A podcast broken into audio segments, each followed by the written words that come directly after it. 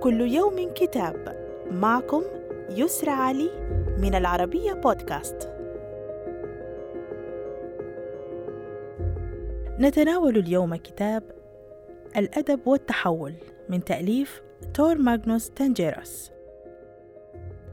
بينما يستمر أكثر من مركز أكاديمي في العالم بإجراء أبحاث علمية وفيزيولوجية تستهدف رصد انعكاسات القراءة على دماغ الإنسان وتفسير استجاباته العاطفية للنصوص التي تعرض عليه. بات من المسلم به أن لقراءة النصوص الأدبية تأثيرات سيكولوجية وعاطفية متفاوتة على الأفراد. قد يتجاوز بعضها لحظة فعل القراءة ذاتها.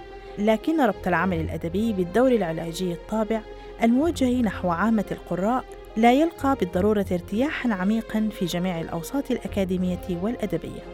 لذا يرى الكاتب أن هذا التناقض يفقد تجربة القراءة المعاصرة شيئا من السحر الذي لطالما رافقها منذ صناعة الكتب لتسجيل نصوص تستحق البقاء لقدرتها على مخاطبة روح إنسان آخر غير كاتبها.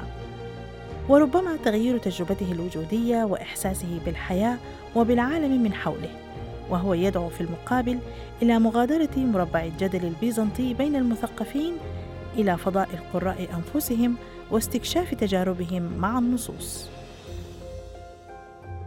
وإلى اللقاء مع كتاب جديد.